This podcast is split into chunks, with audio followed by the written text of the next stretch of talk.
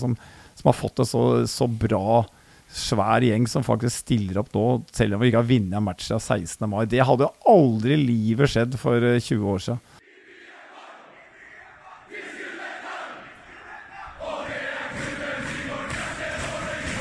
Du hører på Stang ut, en lydfanzine om Vålerenga fotball.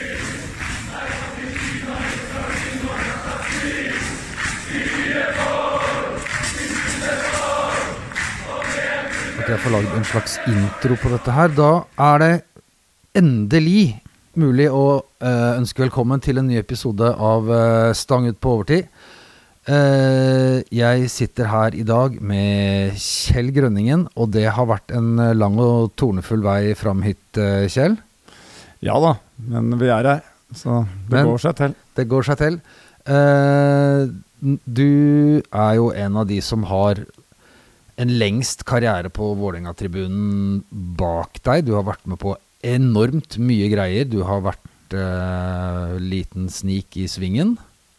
Og stått og drømt om å stå på Store Stå en gang for lenge sida. Og så har du vært med oss å vel starte opp et miljø for tribunesang og sånn på Bislett. Så har du vært eh, talsperson i klanen og forsanger i mange år, og nå jobber du på Bohemen.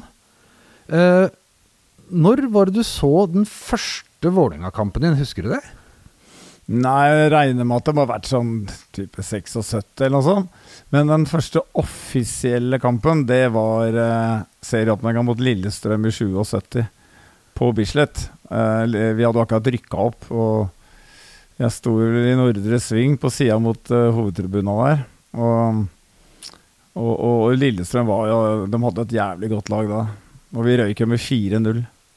Det var, det var, altså, etter den matchen der, så var Da, da ble det tent et Lillestrøm-hat som aldri har, har slokna. Så for meg så er den klubben der eh, det er, det er ingen andre. Jeg misliker så mye som dem. Så sånn er det. Når du taper eh, som drittunge første offisielle kamp, så Ja, det er bare sånn det er. Ja, Skal du på Åråsen om uh, neste, hva er det, par uker? Skal jeg absolutt ikke. Jeg, er, jeg, har jo ikke vært på Åråsen. Det er en eller annen grunn. Dette var slutten var sånn 2007 eller noe. Så var det en kamp jeg ikke var på på Åråsen, og da vant vi. Og da var det sånn at uh, Nei, du får ikke være med der mer, for da vinner vi. Og, og så fortsetter det, så, fortsetter det sånn litt at vi Ja, jeg var ikke der, og vi vant. Og til, til slutt så var det Nå jeg greier ikke Jeg greier ikke å gå dit, rett og slett. og jeg er også den typen som tar direkte flytog eh, som ikke stopper på det stedet. Eh, må ha et flytog som går rett fra Oslo S og rett til Gardermoen. Det er, eh, så, sånn er det. Er du en overtroisk mann? Jeg er ikke overtroisk, men jeg, det høres litt sånn ut. det jeg misliker, det jeg misliker jeg. Da vil jeg ha minst mulig med det å gjøre. Um, men når du da, som du sier, du, du debuterer da på 70-tallet en gang. hvor, hvor gammel kan du ha vært da? Da var jeg 14. Ja. Så da var det ikke noe sted for en 14-åring å liksom begynne å nærme seg et uh, liksom supportermiljø eller sånt. Åssen var det på, på Bislett i, på 70-tallet? Nei, det var jo ikke noe supportermiljø sånn som vi kjenner det nå. Det var jo en gjeng som kalte seg for Vålinga supporterklubb. Som fløy rundt med sånn tvers over sløyfer og, og flosshatter. Og solgte klistremerker, så hadde de en sånn flat cap og en, et skjerf. Og det var jo, De gjorde en kjempejobb, dem ut fra deres uh, ståsted. Men sånn som jeg, da, som var uh, voldsomt inspirert av engelsk fotball Og jeg begynte å dra over til London og følge Arsenal allerede da i 77. Um, ehm, som 15-åring, litt seinere på året. Og det var jo det jeg dro med meg da hit til uh, Vålinga. Uh, etter noen år. Uh, har vært med på turer til bortematch fra, dro fra Jordan med buss. og ja, i det hele tatt så var det cupfinale i 80. Da var, det, da var det også ikke noe særlig greier. Men uh, stemninga var liksom Det var heia Vålinga og ja, Vålinga-sangen. Altså, det var liksom ikke noe, noe liv. Så da i, det må ha vært 81. Da bestemte vi oss et par stykker for at nå må vi ta tak her. Og da, da Jeg skal ikke si vi kuppa Store Stå, men det var omtrent det vi gjorde. Og jeg hadde jo en del sanger, og hadde et par andre karer også. Og så, så blei det da det, den lille forløperen til den gjengen som da etter hvert vokste fram midt på 80-tallet. Vi var ganske mange etter hvert. 81, 82, 83. var hockey og fotball. På det som var alt. eh, og sanger av ymse kvalitet. Men du begynte å, jeg å dikte sanger allerede, Ja, allerede ja, da? ja, ja. Jeg var jo en sånn dikterspire. Så jeg, det har du holdt på med hele tida. Du har skrevet mange av de sangene vi fremdeles synger i dag, når du var en yngre mann. Ja, men det var mange av de sangene som vi synger i dag, pluss noen av dem vi ikke får lov til å synge da, jo- er jo jeg som har laga. Men det, det var jo, kom, jo- mange av dem kom jo seinere, sånn slutten av 80-tallet. Eh, første del av 90-tallet. Så kom jo en del av de sangene. Men du sa at du hadde da begynt å dra og finne inspirasjon fra fotball i England. Du reiste over dit aleine som 15-åring? Ja, jeg hadde med meg to eldre kompiser på 16. da. Å ja. Da, da, da, da, er du i gode hender. Ja, altså vi, vi, vi hadde jo vi, vi lå jo Vi hadde ei uke i jula, da, så vi hadde julaften på på The Sherlock Holmes Hotel da, i eh, Baker Street. Så det var jo litt spesielt. Jeg skjønner ikke helt hvordan vi fikk lov til det, men det, det gjorde vi nå. Så jeg dro jo til Everton borte, for eksempel. Nyttårsaften 77. Arsenal borte mot Everton. Det var ikke noe, det var ikke noe walk in the park, altså. Det var, det var, da ble du møtt med Stanley-kniver på Liverpool Lime Street stasjon. Og, ja, da ble jeg konfirmert, for å si det sånn. Jeg ante jo ikke at det, der at det var så ille. Så det, det blei noen år der hvor jeg reiste og dro over på Det var stort sett på Hybrid, men så dro jeg sånn West bort, eh, Grimsby Cupen eh, ja, så, var og så var jeg så Tottenham borte i 78. Lille, lille julaften 78 sammen med disse to Tottenham-gutta. Da vant jo Arsenal 5-0 på White Hart Lane. Det, det synges det jo om ennå. Det var det er jo tidenes seier for Arsenal der. Da rant det litt blod nedover Seven Sisters Road, for å si det sånn. Da var det, det var Texas klart. Da, når du får en sånn ballast, så, så veit du i hvert fall hvilken type fotballkultur du liker. da. Og det var for meg det var å stå og synge, og, og gjerne ha det vi kalte for ras. da, ikke sant? Litt sånn rasing nede ved tribuna. Og det var vanskelig å få til på Bislett, for der sto jo folk, eller satt stort sett. da. Men eh, etter hvert så ble vi en ganske bra gjeng på Bislett. Så, og så fikk vi dette Apeberget-stempelet. Det var jo egentlig bare tull, men eh, sånn blei det jo. Og det var jo litt lavpanna til tider. Det var, det var jo 80-tallet vi snakker om her. Det var, Ja, ikke, tross alt. det var ikke noe rakettforskning hele tida. Nei, og så var det jo ø, unge, unge menn med behov for å markere seg ø, til en viss grad. Så da, som du sier, du skrev jo litt om det i forrige utgave av Apestreken ø, på print også. Det med, med nivået som var da, som vel ikke alt har tålt tidens tann like godt. Um, men når du sier at du Jeg vil gjerne høre litt mer, hvis du har lyst til å fortelle, fra når du var en såpass ung eh, fyr og dro, som du sier, på en del svære kamper i England og var med på eh, En ting er å finne inspirasjon, men som du sier, var liksom Da var jo dette var før det ble noe all-seater og sånn i England. Da var, det, da var det litt farlig å dra på kamp i England? var det ikke det? Litt skummelt? Ja, ja. ja. Vi, eh, første matchen på Hybrid var jo mot Chelsea på Boxing Day i 77. Da kommer vi over Hybrid Hill og skulle være tidlig inn på, i Arsenal-svingen. da, For det var early kickoff. Og da var det, var det en jævlig stemning på, i- bak målet til Arsenal. En, en halvannen time før kampen tenkte vi yes, dette er jo moro. Kommer vi inn, så er det jo faen meg Chelsea kommer med 200 og tatt svingen. Så de har, greid å snike seg inn og, og da okkupert Arsenals hjemmesving. Og Arsenal greide aldri å ta den svingen igjen i løpet av kampen. Selv om de prøvde som var det, men Chelsea hadde 200 mann som var helt tight. Så det er klart at Sånt gir inntrykk. Vi sto jo rett foran. Vi sto nederst mellom Pat Jennings og står golf for Arsenal. Han var en legendekeeper egentlig fra Tottenham. Og det, er, det er klart Når du, når du er med på sånt, så syns jeg det var litt tøft. Men eh, det var jo, det, det var jo de fleste dreiv jo ikke med sånn tull. ikke sant? De, men det var jo synginga, og Arsenal vant jo 3-0 i tillegg. Så, så, så da det, det var jævlig morsomt, og da tenkte jeg at faen, vi må jo kunne få til litt mer tribunesynging her i Norge enn å bare stå der og klappe og, og liksom eh, se ut som vi kjeder oss. Så da, da, da blei det liksom å prøve å kopiere noe av det. Da, da blei det selvfølgelig en del av sanga også, og jævlig inspirert av de der engelske sangene.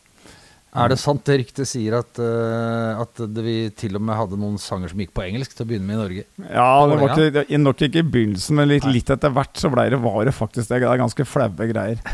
Det var Come On You Boys in Blue og sånn. Så det er helt latterlig. Men det var ikke mye, men det var lite grann.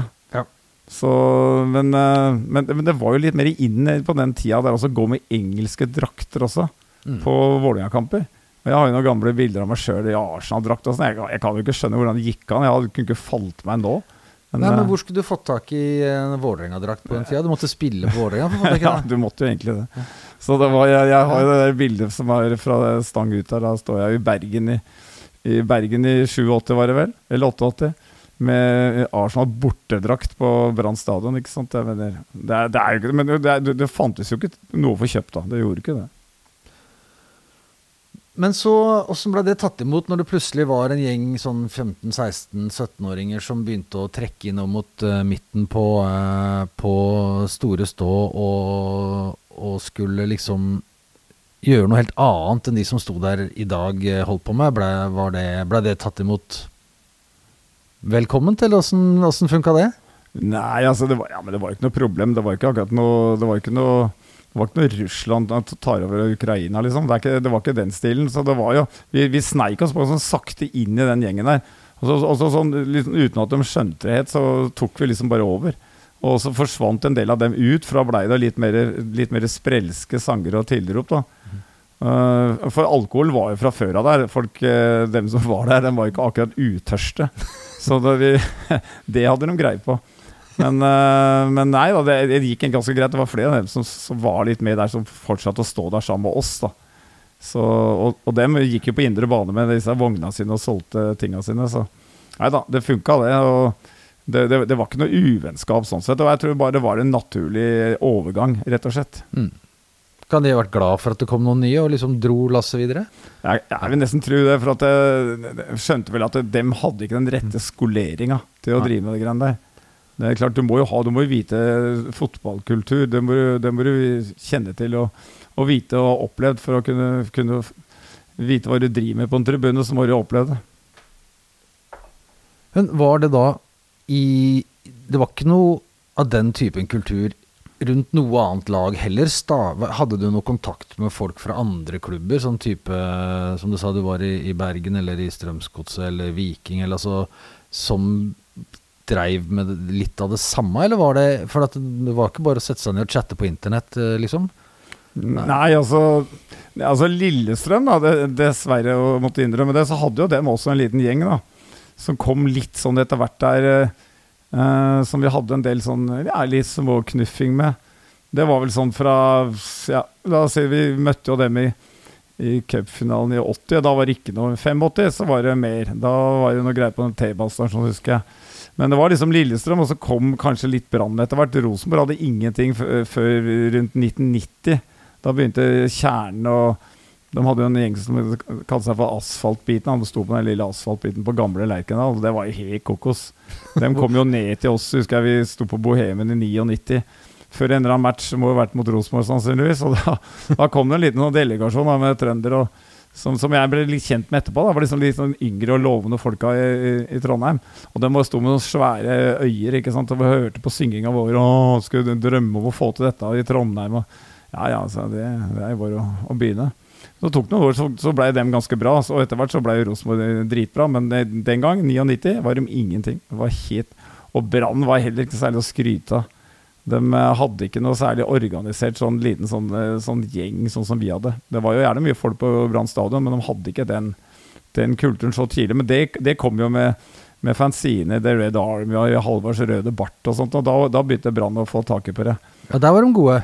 Ja, ja, De ja. begynte å lage eh, fanziner. Der Ja. var Brann sterke. Men det er jo noe med organisering av Bergen, da, som de er ikke så, de er ikke så, er ikke så glad i. De er gode på buekorps, da. Det er de gode på. Ja, det for, det får Ja, det er organisert. Ja, det er de med det. Det er de bra. Så, mm, men ja, var du sjøl aktiv med å lage fanziner? Fanzinekulturen på den tida var jo helt enorm. Det var jo så mye fanziner å få kjøpt at det var uh... Jo, men du fikk jo ikke tak i Det var ikke noe internett, som du sa i stad, og det var ikke noe var ingenting. Så jeg begynte å skrive punkfanzine i, i, i 79, ja, som, jeg, som jeg solgte her i Oslo på konserter. Så jeg, jeg, jeg, jeg skrevet alltid. Og jeg skrev jo Ja, jeg skrev jo metal-fanzine litt ut i 80-tallet. 'Loved and Proud'. Og så har jeg alltid skrevet tror du? jeg har et par eksemplarer av no, noen av dem. Så nei, ikke sant, så da da, da, da starta vi jo klans... Nei, Apestreken ble jo starta Jeg tror vi ga ut første nummeret til serieåpninga i 91. Eh, men det var jo jævlig amatørmessig, da, med litt sånn tegneserier fra engelske fanziner. Det var egentlig, Når du ser på første to AP-strekene, så er det ikke mye å skryte av. Men det var liksom første vi gjorde. da. Så det tok litt tid før vi fikk skrive ordentlige ting sjøl og sånn.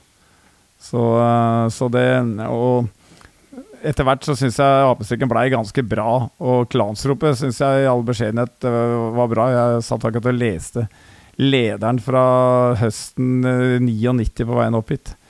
Og jeg syns jeg var ganske bra der, med å kreve både trener og leder og alt måtte gå. Så det, jeg, jeg, savner litt av det nå, at folk må kreve litt mer. Jeg var aldri på Valle. Jeg gikk aldri opp hit, for jeg var, jeg var interessert i å kritisere og ikke bli venner med absolutt noen her oppe.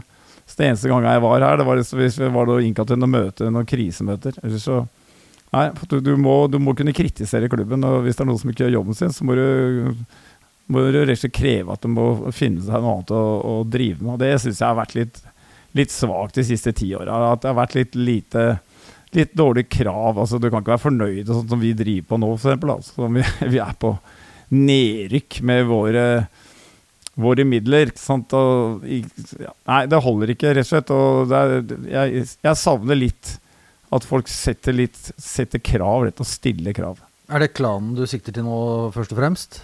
Ja, generelt. Jeg syns uh, For det har jo vært en ganske, ganske høylytt, uh, høylytt uh, sånn krav fra tribunen, da, med både trener og med daglig leder og sånn de siste eller det, det, siste halve året. Men uh, det er klart det er jo mer kanskje, som vi har snakket om i andre episoder, mer et uttrykk for et problem enn det faktiske problemet. Men der har det jo vært krevd ganske tydelig. Ja, det er, det er, det er bra. Altså Det med daglig leder og sånn, det, det, er jo ikke akkurat det som jeg har hengt meg mest opp i gjennom tida. Men det her veit jo folk da som snakker om det, hva som er et problem som ikke jeg veit om. Uh, men, uh, men, sånn generelt da, så må man aldri være redd for å tale Roma midt imot. og så jeg husker jo det med Vidar Davidsen, han skulle få sparken, og jeg krevde jo ditt og krevde datt. ikke sant? Og det var jo, det var jo hva, sånn. Hva var historien rundt det? med Vidar Nei, Davidsen? Vi rykka ned i 96, og Vidar var jo trener. Ja? Men han skulle jo ikke gå, så jeg husker jeg skrev det at nå når du rykker ned med Vålinga, så må du gå, da. Altså det, er, det, det, det, går ikke Selv den gang så hadde jo vi brukbart med midler. Og selv om ikke Vidar hadde all skyld, så var det han som var trener. og da i mine øyne, så da hadde du ikke gjort jobben din. Så da måtte du ta konsekvensen. Det skjedde jo selvfølgelig ikke. Og det samme gjaldt med mye spillere. Da, som, den blei jo med ned da, i 97, ikke sant? så rykka vi opp igjen. Men eh, nei, vi, er, vi, er, vi godtar for mye middelmådighet uh, i Vålinga, syns jeg. Det, det, burde være mye, mye større, hardere krav. Ja, Vi er ganske tålmodige, egentlig, hvis du ser uh, på hva vi får tilbake for, uh, for innsatsen. Så er det, ikke, det, er ikke, det er ikke tett mellom dramma for Vålerenga. det, er, det er ikke det, vet du. Sånn, sånn, sånn, som jeg, da. Det, det er ikke som, altså, jeg er jo blant dem som faktisk aldri har hatt noe pause i å se Vålerenga på hjemmekamper. Altså Fra da, den gangen i 77 til nå så har jeg aldri gått glipp av noe som helst. Altså Jeg, jeg er sjelden på bortekamper nå, ser jeg et par stykker maks. Ser alle hjemmekamper, minus kanskje én hvis jeg er på ferie. Det skjer jo. Men jeg har aldri hatt et friår noen gang. Altså Det er helt siden 77 til nå 2023. Så jeg har aldri hatt fri. Så jeg har alltid vært der. da Da føler jeg liksom at jeg, jeg veit litt hva jeg snakker om, selv om jeg ikke er ikke hatt utlært fotballprofessor. Ja, her snakker vi da at du har sett Vålerenga i over liksom sek, Blir det seks tiår? Du har vært uh, fast på tribunen? 70, ja. 80, 90 00, 10, 20, ja. Det er ikke verst. Ja, det er ikke så verst Hvor gammel altså. er du egentlig? Er det lov å spørre om? Ja, ja altså, lov å spørre om. Var, hvis, hvis, du kan regne hvis jeg var 14 år i, i ja, Hvis jeg skal slippe å regne, da? Da, da, da er jeg faktisk akkurat passert 61 år. Gratulerer. Ja, ja, det, er ikke alle jeg, er ikke alle jeg kjenner som har blitt så gamle. Så jeg er jævlig fornøyd med det. Så, men jeg, jeg, jeg, eh, i, i 2002 så troppa, trappa jeg ned som, som, eh, som um, forsanger på Ullevål. Da hadde jeg vært det sammenhengende siden 81 på Bislett. Så altså da 20-21 år som forsanger. Og da tenkte jeg at nå blir du 40 år gammel, da, da, da får andre overta den betaen. Så, men hvordan, hvordan, opplevdes det? Syns du det var greit, eller ble det, var det litt sånn sto du og lurte på hva hvem var det som liksom tok over? Var det noe du hadde noe med, eller bare sa du Nei, det, var, det, det hadde gått litt gradvis. Men det er klart, jeg syns jo det at eh, faen, hva er det den driver med, liksom? Kan ikke starte den sangen nå, det nytter jo ikke. Når du har corner, så kan du ikke starte den sangen der. Og det, det ble litt sånn, så Jeg følte meg litt sånn ordentlig grinebiter. Det var jo også grunnen til at jeg, jeg sleit ordentlig med å dra på bortekamper. For at Ja. jeg var jo vant til å styre showet. Så plutselig skulle jeg bare være en sånn øh, som skulle sitte og høre på alle andre starte. Og, og du veit, man liker å tro at man kan best sjøl. Og da, da fant jeg at det var bedre å holde meg unna de bortekampene. For hjemmekamp var det ikke noe problem, for da etter hvert så havna vi på langsida på Ullevål. Så nei, det, det er ikke bare bare når jeg er vant til Vant til å være på en måte et midtpunkt som starter alle sanger og, og, og har skrevet ja, om ikke alle, så omtrent alle teksta. Så, så er det litt rart når du trapper ned, men det er jo bare sånn det er. Det er en tid for alt. Ja, for du var litt superstjerne i supportermiljøet, eh, i hvert fall når jeg begynte å gå på kamp, så alle visste liksom hvem Kjell var. Men du, bare sånn, det er selvfølgelig kommet til spørsmål om, og du har sikkert svart på det før, men du sa du aldri gått glipp av, glipp av noe som helst. Og så var det plutselig en gang på 90-tallet hvor, hvor uh, folk lurte på hvor Hytte-Kjell var hen. ja, det var det Hva er jeg, historien rundt det? ja, det tror jeg var 92 eller noe. Nei, nei, altså jeg Da hadde jeg jo samboer og greier, og vi var på hyttetur. På Magnor, langt oppe ved svenskegrensa. Så hadde, hadde vi tidlig en match mot Jeg tror det var mot eh, Det var mot et av sånne kokoslag Åsi eller noe. Hva da faen, da? Og så Etter begynte kampen på søndag, så hadde det blitt litt festivitas der oppe med noe hjemmebrente. Så jeg, jeg kunne jo ikke kjøre hjem på morgenen, så jeg turte ikke å dra inn til kampen. Så jeg gikk da glipp av en kamp. Du gikk glipp av en kamp, Ja. selve Kjell Grønningen. Ja. Og da, etter det, så var det Ja, da fikk jeg høre noe jævlig. Og det ryktene gikk at jeg hadde vært på hyttetur uten å se Vålinga Da var det Hyttekjell, og jeg fikk jo høre Jeg, jeg hører nesten nå også. For jeg hadde jo vært så jævla svær i kjeften alltid alle mot alle som ikke var på matcher. Mm. Faen, prioriterer hytte og campingtur, hva faen, Syden, ikke sant. Så plutselig jeg sjøl var jeg glipp av kamp pga. hyttetur, selv om det var pga. fyll. Men allikevel, da møtte jeg meg sjøl i døra. Ja, nei, det, det er veldig mange bra kallenavn i Vålerenga-miljøet. Jeg holder Hyttekjell ganske høyt, faktisk, på min egen liste. Er det. Eh, Du snakka om eh, Det er flere årstall du har sagt, nevnt et par ganger allerede. 1980 er en av dem, eh, hvor det var en cupfinale. Som du snakka om som litt sånn vendepunkt for deg sjøl. Da er det Vålerenga mot Lillestrøm.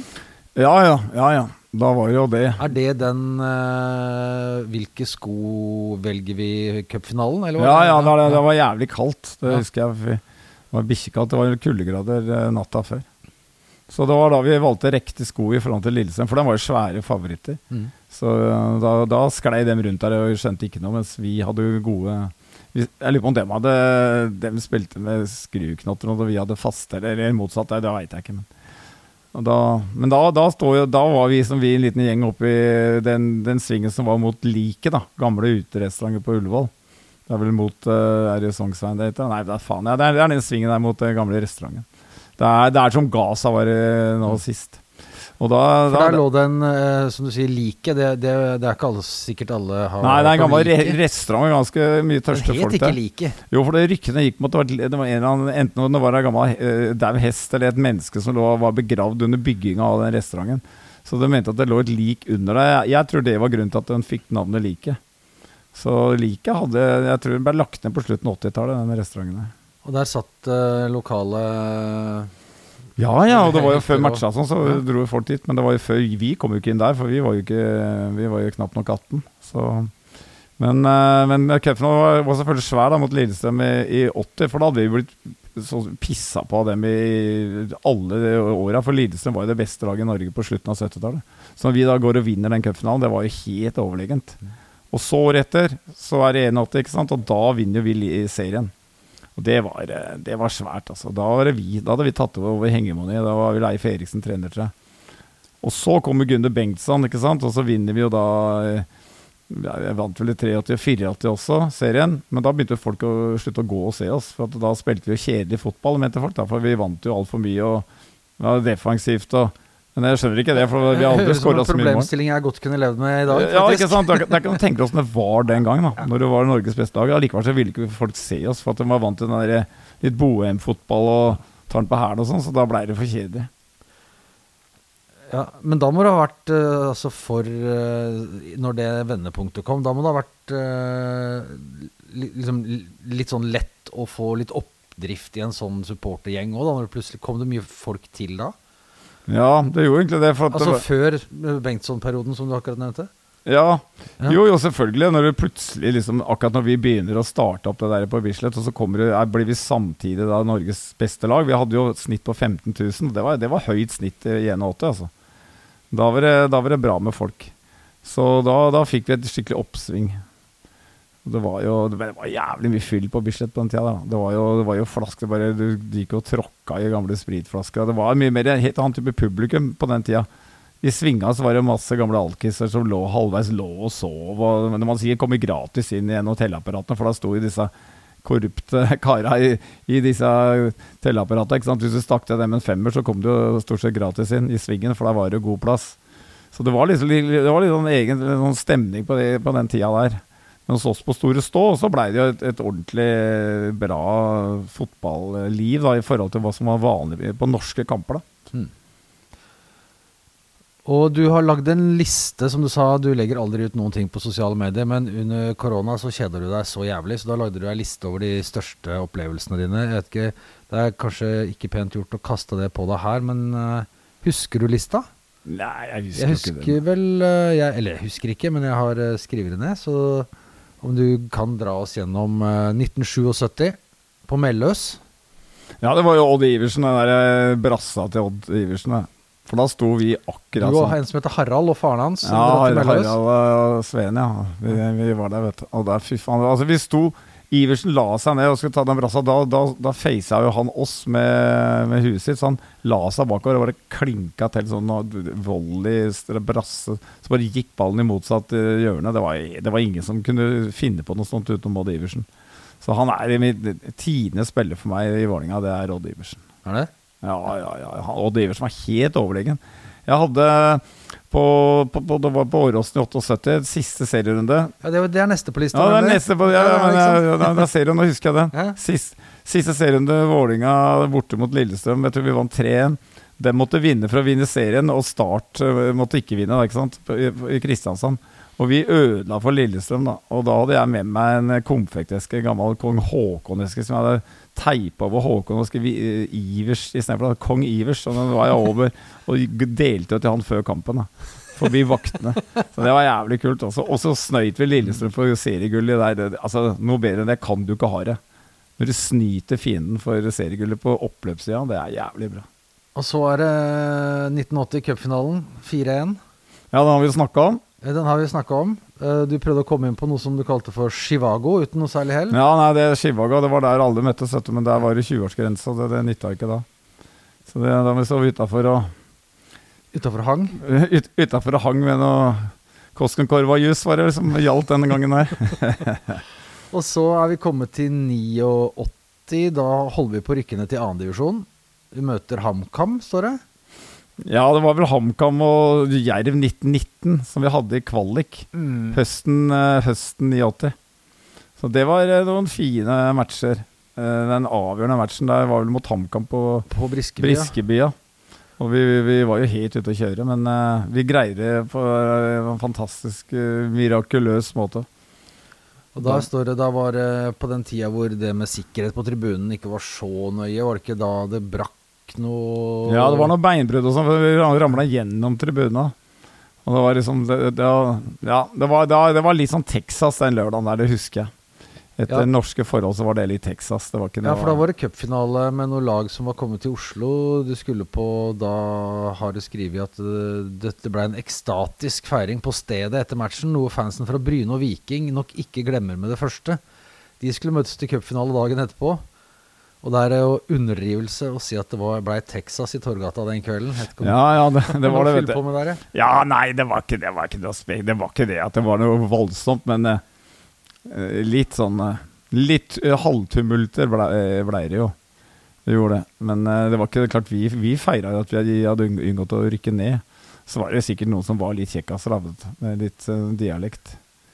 Men eh, det, det, var noe, det var ikke noe big deal. Men det var en eh, fantastisk lørdag, helt overlegent. Så, så det, det, sånn glemmer man ikke.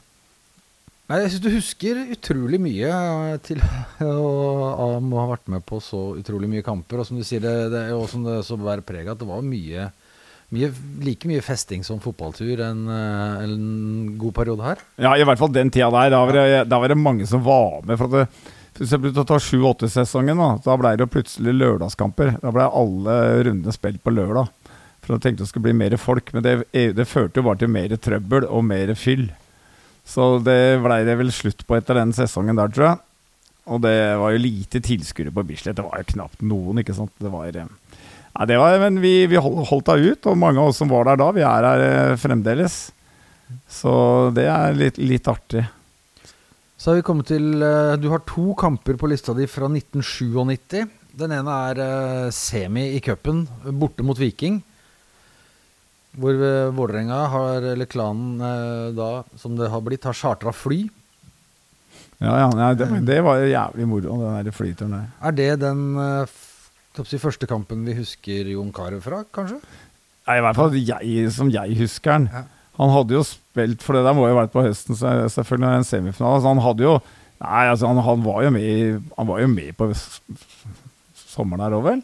Men nei, det, er, det er klart, han eh, Den der semien der mot Viking eh, ja, Hvis det var semi, jeg husker ikke det engang, men jeg, jeg regner med at det var det. Semi. Det var semi, det var kanskje Sogndal i kvarten. Da. Så Kari var jo helt overlegen. Jeg husker da, da, var det, da var det bar overkropp på Stavanger stadion midt i uka der. Og, ja, litt småharry, men sånn er det. Det, det, det, det, er jo sånn det er nå også.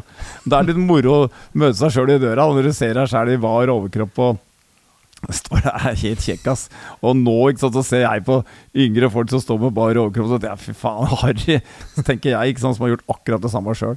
Så det er, det, er, litt vanskelig å kritisere folk for noen ting når du har vært med på alt mulig. eh, Fra Texas Rangers til eh, ja, eh, you name it. Ja, nei, du snakker eh, om, om eh, Det var en som spurte om det. Du får spørre Kjell. Hva vil han helst Hvis du måtte gå på en kamp i Du har sagt det var for mye flosshatt og sånn. Vil du helst gått Hvis du måtte velge en kamp i flosshatt eller balaklava eller finlandshette? Ja, da hadde jeg gått i Flosshatt. Flosshatt. Ja, ja, balaklava, det er jo ordentlig harry. Det hadde jeg aldri i livet gått med. Nei, Flosshatt kunne jeg, kunne jeg fiksa. Jeg hadde selvfølgelig vært litt dum for han som sto bak, da. Hadde ikke sett så mye, men Nei, og så har vi kommet til uh, cupfinalen i 97. Den er jo mange også som trekker fram. Hadde når Lars var i studio her og snakka om den. Det var et eller annet slags vendepunkt. Da var det et eller annet som skjedde før den kampen i byen her, hvor det plutselig var fotball overalt. Og ehm, den har du på lista di som en av de største, største opplevelsene dine. Da Ja, du kan jo Ja, men det, det var jo akkurat det at da hadde vi vært en, helt ute å kjøre i årevis. Vi hadde jo ikke fått til en dritt siden 85, var vel sist gang vi da var i en cupfinale, f.eks. Og bare ned på tabellen og rykka ned og vært helt kokos. Så plutselig 97 så skulle alle holde med Vålinga. Da hadde jo Vålinga mot rasisme kommet. Det hjalp jo en god del, da, for vi hadde jo litt frynsete rykte. Eh, og det hjalp jævlig. Og da, da var liksom Vålinga Skulle alle holde med Vålinga, og det var jævlig moro. Den cupen her, vi rykka jo opp, pluss cupfinalen. Så det, var, det der var svært, altså. Det, men det varte jo selvfølgelig ikke lenge. Året etter året etter der så var vi jo like dårlige igjen, så det Ja, Sånn er det. Sånn er det. Sånn er det. Sånn er det stort sett. Men vi fikk da spille Europacup uh, året etter. Ja, det var ikke gærent. Det var da vi var vel da Ja, da, da hadde vi jo noen fine turer til Rapid Bucuresti, var den første turen jeg var på. Og så var det da selvfølgelig Besjiktas borte. Det var ikke så gærent. Det var eh, Nei, den, skjønner, den, de som var der, de har uh... Ja, det var, det var litt morsomt, sant. Det er litt tilfelle. Litt morsomt når du er i Besiktas. uh, Jo, jo, jeg veit jo det, det men ikke ikke sant. litt morsomt. Nei, men det var det at jeg skulle egentlig ikke vært der, for jeg hadde ikke råd. Men så ble jeg påspandert den turen, da, så det var jo bare tur at jeg var der. Mm. Så, så, så det, det er jeg evig takknemlig for at jeg fikk lov til å bli Hvem er det du skal takke for det? Nei, det, det var, tror jeg var noe sånn der, sånn, sånn der litt mer sånn spleis, rett og slett. Du trengte å ha med en eller annen forsanger, da, kanskje. Jeg veit da faen, jeg. Ja. Men det var i hvert fall us- usannsynlig morsomt. Det var det. Og jeg tror nesten Rosenborg hadde spilt der. Jeg lurer på om de hadde vært der et par dager før. Jeg har spilt mot Galatasaray.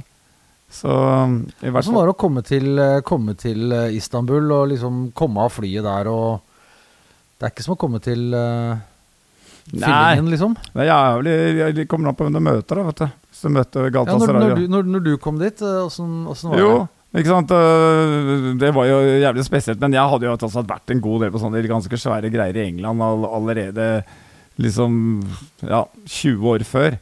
Så jeg var ikke akkurat Jeg var jo ikke akkurat fremmed for det. Men det er klart, øh, Istanbul var litt spesielt. og det var jo svære klubber der, da Galatasaray og Fenerbahçe, som selvfølgelig ikke liker Besjiktas. Og dem som likte dem jo oss, for vi skulle jo slå fienden Besjiktas. Mm. Så det var litt avhengig av hvem Du skulle kjøpe gull, f.eks. Det er ikke at jeg kjøper gull, men det var jævla mye tilbud på gull fra Galatasaray-folk etter vi hadde slått ut Besjiktas. Det var sånn 50% salg og det, det var helt, altså Vi var helt mange som kom hjem med fine Ja, ja, ja, det var og- mange som kom ut med ordentlig tunge kjeder. Altså.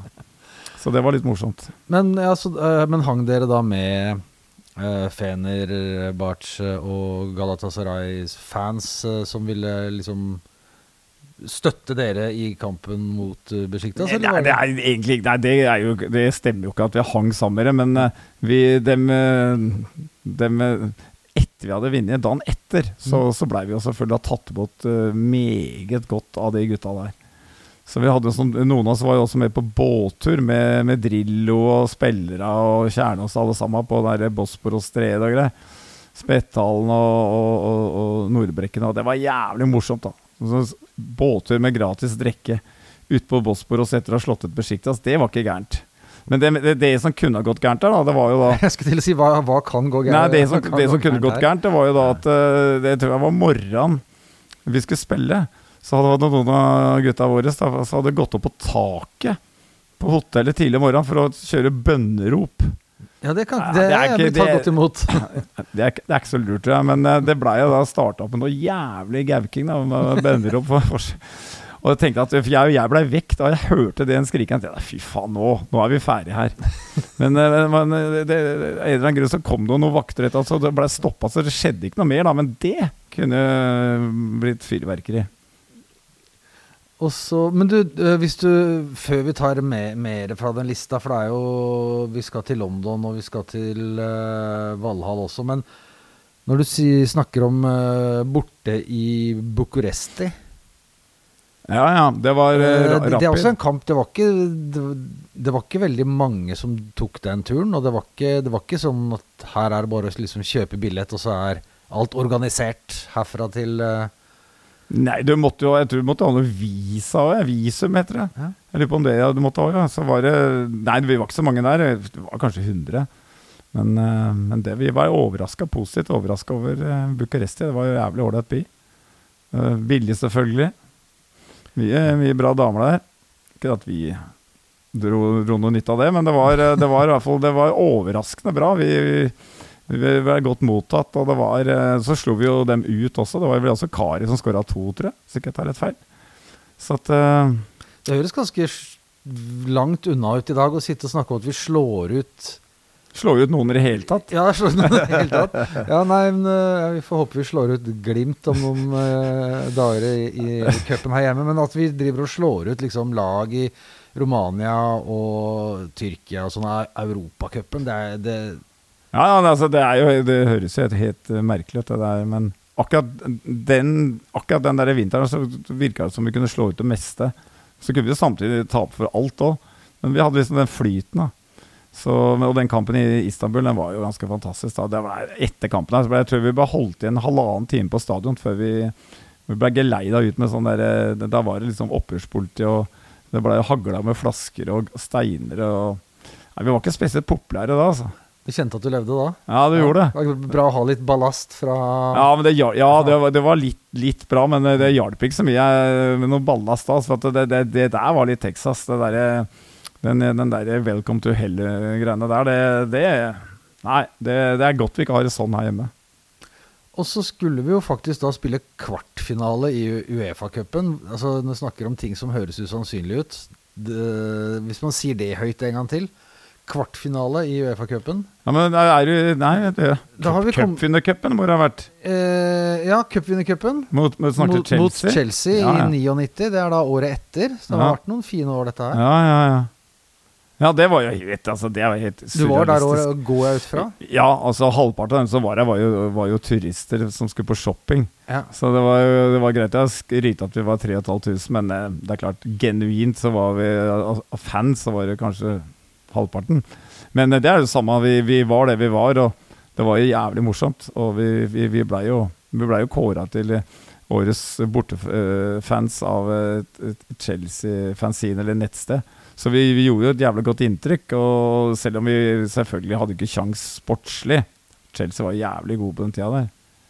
Det, det hadde vi jo ikke. Men, eh, men det der å, å kunne For meg, da, som fra jeg var en drittunge, hadde vært i London og sett uh, Arsenal og sett Arsenal slå Chelsea, og plutselig så spiller Vålinga mitt lag fra Oslo mot Chelsea. Det er, eh, det er gedigent, altså. Det, det, altså sånne ting som det, bare opplever det i løpet av livet ditt.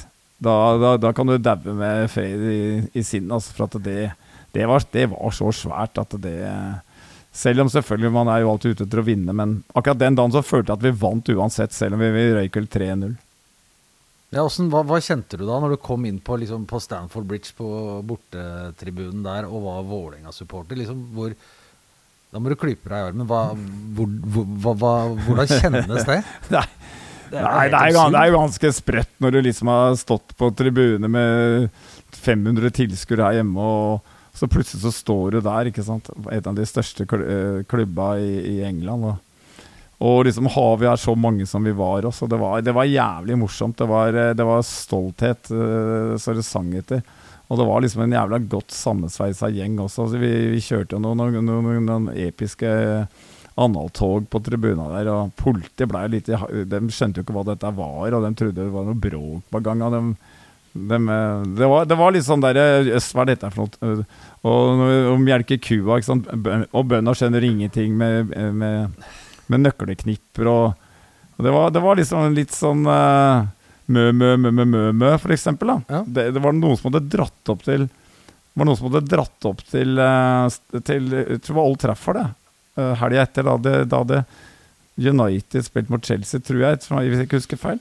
Og da hadde faktisk uh, Chelsea-fansen, noen av dem, hatt den der mø, mø, mø, mø, mø, mø, mø, med sånne melkebevegelser. Så ja, vi hadde vi hadde da satt vårt preg på dems Det var litt morsomt.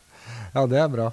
Det er veldig bra. Det er uh... Nei, men det er vel noe med det når du møter en sånn type support som uh, Norge, eller som vi var på den tida, så merker man jo ganske fort hvis man går på kamp at det er ikke det, Dette er ikke farlig, det er ikke aggressivt, det er ikke liksom fare for Altså Folk som har gått mye på kamp, og antagelig politi der, og skjønner jo at her er det ikke noe vits i å Nei, ikke sant. Og det, det, er, jo, det, er, jo, det, er, jo, ikke noe rivalisering heller. Nei. Og det var uh, Så det, det, blir jo sånn. Og det er klart, Chelsea de har jo alltid vært uh, slemme gutter. Og hadde Chelsea følt at vi hadde vært noe fare, så kunne det blitt en uh, svett affære i gatene rundt der. Men det, sånn var det ikke, ikke sant. Så dermed så, så var dette her bare sånn familiegreier, og puba var jo fulle av begge Stort sett de fleste. jeg veit ikke helt åssen det var overalt, men uh, nei, det var, bare, var rett og slett bare god stemning. Og så er det en annen gang det var god stemning. Det var eh, av alle sjuke ting fotball inne i Valhall. Ja, rett, bort, ja, ja, rett bort i gata her, ja. Sto og så på det i stad og tenkte litt på det. Det er faktisk, Nå er det 20 år siden, om år. en måned. Det, det var den sjukeste opplevelsen, altså. Jeg var jo fyllesyk som en oter. Jeg hadde jo vært ordentlig på den på fredag og var helt på bærtur på lørdag. Fikk jo, vi fikk jo Jeg skulle til og med jobbe, så jeg drev og serverte øl av tidenes fyllesyke. Så fikk jeg, blei jeg med opp til, til Valhall og fikk kasta i meg noe sånn dårlig drikke for å på helt tatt overleve sånn rett nervemessig. Og det var eh, Nei, det var helt vilt. Det var det verste jeg har vært med på noen gang. Det var vi følte jo at vi, klubben var i ferd med å bli utradert fra kartet hvis vi rykka ned. At vi var helt på trynet. Så det var liksom et spill Det var en kamp for tilværelsen, rett og slett. Og når vi greide det da, så det, det var Den kampen der, det, det også inne i tillegg, det Og dommeren, det var jo Jonny Ditlevsen, dommeren som gjorde at vi ikke rykka ned. Han var jo helt meningsløs i avgjørelser. Han hadde han andrelerte vel to mål som Sandefjord skulle ha hatt, som ikke var andrelering i det hele tatt. Så det var Jonny Ditlevsen Jeg foreslo, husker jeg, for en fyr i, NRK eller var det Aftenposten at Jonny Ditlevsen burde, burde, settes på sokkel utafor Valhall. En sånn to meter høy, massivt gull som kunne så tilbe Jonny Ditlevsen. Ja, det kom på, kom på Sporten på NRK, tror jeg. For, for, Johnny Ditlevsen var vår mann, altså. Mo, Mo idrettslag, tror jeg. Det var, eh, nei, det var en fantastisk match. Og det var, eh, det var nesten, jeg skal ikke si det var synd på eh, Tom Nordli, men det var litt synd på han for at det, han fortjente nesten ikke å tape den kampen. Nei, er, den, den ligger jo ute på TV2 eh, på nett-TV-en, den som en sånn derre øh, eh, Ja, de har en sånn samling av eh, århundrets matchgreier og sånn, og, og, og hører folk fortelle om det. Du ser at alle er liksom rysta av hva de har vært med på. Du, du klarer ikke å si Siem er jo, CM er jo helt, helt ute å kjøre der. Ja, du klarer ikke å snakke. Du, du sier bare at det her måtte bare dra hjem og legge meg. Ja, altså Etter matchen så var jeg helt ødelagt. Jeg måtte bare dra hjem. Hadde ikke kjangs. Det det var helt utlada. Men det, det, er, det er sånn du lever for når du er fotballsupporter. Og det motsatte var jo da når vi rykka ned mot Sogndal ikke sant, i, i, i 2000. Det var det motsatte. Så det, du, du, må, du må takle opp- og nedturer. Er det bedre enn å måtte leve med en sånn der jevn og stødig sjuendeplass som vi har gjort de siste åra, og takle opp- og nedturer? Ja, jeg, jeg vil si det. Jeg vil si det, og Det er mange folk som ikke skjønner dette, vet du, som driver og klager og syter. og Faen, det er typisk Vålerenga. Og så, altså, blir de hjemme da, og gidder de ikke å gå på kamper og syns de synd på seg sjøl. Men i helvete, altså. Det, det, hva, hva, hadde, hva hadde livet som fotballsporter vært hvis du bare hadde hatt oppturer? Det hadde ikke vært noe poeng med og Til slutt så blir det jo blir kjedelig å vinne. da. Men nå, nå begynner det å bli litt kjedelig å tape, så nå, nå er det på tide at vi får til noe. Men eh, det, det får komme seinere. Ja, nei, Vi snakka jo litt om det i, på vei inn her. At uh, Vi sitter jo på stadion eh, dagen etter vi slo Ålesund eh, 3-1 hjemme. Og det var, ganske, det var ganske, en ganske fin mandag i dag. Ja, det var en, uvirkelig sjelden mandag. Altså, vi, vi, ja, vi slo jo Godset borte her for en stund siden. Altså, HamKam hjemme 16. mai, men ja, og så vant vi jo i Ålesund. Men eh, nei, nei det, er, det er bare sånn der karameller du får suge på. ikke sant? Det er å ha en mandag hvor det er faktisk godt humør. Preger Vålerenga fotball humøret ditt så mye enda når du er godt over 60 år? Nei, du kan si at det, det, det, ja, men det, gjør, det gjør det faktisk. Det gjør det. For jeg jobber jo på Bohemen. Altså jeg, jeg står nedi der og prater Vålinga hele tida. Og jeg, jeg, jeg har jo aldri hatt uh, altså, Som sagt, jeg drevet på nå i, i Ja, det er vel 50 år uh, Begynner å nærme seg 50 år liksom med, med Vålinga ut, uten å gi meg, og det gjelder hockey og fotball. Så det er klart at Vålinga er liksom Det er hoveddelen av livet mitt, har det alltid vært. Så det er klart du har andre interesser da. Jeg driver med fluefisk og jeg Ja, i det hele tatt. Men jeg, jeg har bodd her i byen og fulgt Vålinga hele tida, og jeg har aldri svikta. Og det, det, det, er, det er så mange som er så kjekkaser og snakker om at de var med før. Og ditt og datt, men sier, det hjelper ikke om du var med før når du ikke er med nå. Altså Det er jo nå folk, det klubben trenger det. Selv om du var jævla god supporter på 70-80-tallet, så du, har du slutta å gå, så ja, ja. Det er ferskvare som alt annet. Er, du må levere varene. Og det er ikke alltid jeg har like mye lyst til å gå på kamper. Det har jo hendt jeg har vært sånn Fy faen, skal jeg stå der oppe i tre grader og sånn? Men altså, det er, det er som jeg skrev i den teksten, det er det kald fra du ble født, på en måte. Så det er, det er mitt lodd her i livet, det er å følge Vålinga. Og det, det, jeg pleide å si, den dagen jeg svikter Vålinga, jeg ikke går på hjemmematch her, da tror jeg ikke det, Så lenge jeg lever og ikke går på å se Vålinga, da tror jeg klubben har lagt ned. For det, det, det, det kommer ikke til å skje. Nei, Hva skulle til? Nei, det, Det, det, skjer ikke. Nei. Nei. Det, det tror jeg ikke. Da må, det, da må det ha vært sånn at uansett hvem som hadde vært trener, hvem som hadde vært ledere Ok, hadde vært noen vi ikke hadde likt, da. Eksempel hadde det vært under krigen og Adolf Hitler hadde tatt over Vålinga, så hadde det da vært viktig for, dem som, som var i opposisjon, da, også undergrave den ledelsen. ikke sant? Så det, du kan aldri gi deg. Må, hvis vi har forandring, så må du, da må du stå på, stå på krava. Så at eh, Nei, det, så lenge det er eh, liv, og det er jo lenge til. Jeg, sier, jeg har ikke tenkt å gi meg før eh, 95 pluss, det er jo et minimum. Så eh, sånn er det bare. Men eh, når du snakker om eh, du, du snakker om det, det med å har gått på kamp, kommer til å gå på kamp, og hvordan ting forandrer seg. Vi har fått noen spørsmål også fra Twitter, et medium du styrer unna, men som jeg bruker for å få spørsmål fra folk som hører på. Der er, har vi fått eh, første spørsmålet som kom, er fra eh, Olum, som spør hva syns du om tribunekulturen i dag kontra for 10 år sia og 20 år sia? Hvor tror du vi er om ti år? Det var mange spørsmål på en gang, men ja, ja, ja, men du kan sant? jo se deg litt bakover. Og, Ja, altså, altså jeg er jo den gamle skolen når det gjelder tribunekultur. Altså jeg liker eh, sanger. Eh, jeg liker sanger med litt eh, snertne tekster. Og jeg, jeg liker ikke sånn repeterende greier som bare går dunker, dunker, dunker, dunk. Det, jeg, det, det er det negative jeg har til dagens kultur, at det blir litt for monotont. Uh, men, og det med trommer og sånn, det er klart jeg kunne greid meg uten det, men jeg skjønner jo jævlig godt at det er kommet for å bli, så jeg har ikke noe problem med trommer eller noe som helst. Og de gutta og jentene som driver på bort på Østblokka nå, dem gjør en jævlig god jobb. Så jeg har bare, bare skryt å komme med til dem. Og dem, mange av dem er som jeg var før i tida. Det, tida forandrer seg. Jeg kan ikke si at alt var bedre før, for det var det bare ikke. Det, sånn som nå, f.eks. Vi har vært så jævlig dårlig. Allikevel så kommer det hundrevis av syngende supportere som står der og gir jernet. Det, det, er imponerende. Og alle sånne gamle grinebitere som driver og klager. Er, det er bare noe tull. Jeg syns det er hatten av for den gjengen der. Flosshatten av? Flosshatten av. Men, men igjen eh, men, men, du kaller deg grinebiter sjøl òg? Ja, men det, sant, du blir jo er over 50, så, så, så, blir du på en måte en gammel grinebiter. Ja, og, det, litt klaging blir det jo, men ikke så jævlig mye. Det, det finnes større grinebiter borte hos oss enn meg, altså, skal jeg love deg. Ja, for når du sier borte hos oss, da du sitter eller står dere på altså Nei, vi orker ikke, orker ikke, å stå, vet du. Så vi, vi, vi sitter på Oslo Taxitribune, sånn cirka midt på. Da har vi Sinnatagflagget og Folkets forening-bandere, er der. der, der er vi, bak der er vi, da. Uh, hva tror du om framtida? Han spør også hvor er vi om ti år. Det er selvfølgelig umulig. Ja, ja, nei, altså, jeg, det eneste jeg veit om ti år, er hvis jeg, li, hvis jeg liver meg, så er i hvert fall jeg på tribuna. Det, ja, det er bra. Det er godt å vite. Det, det kan jeg si.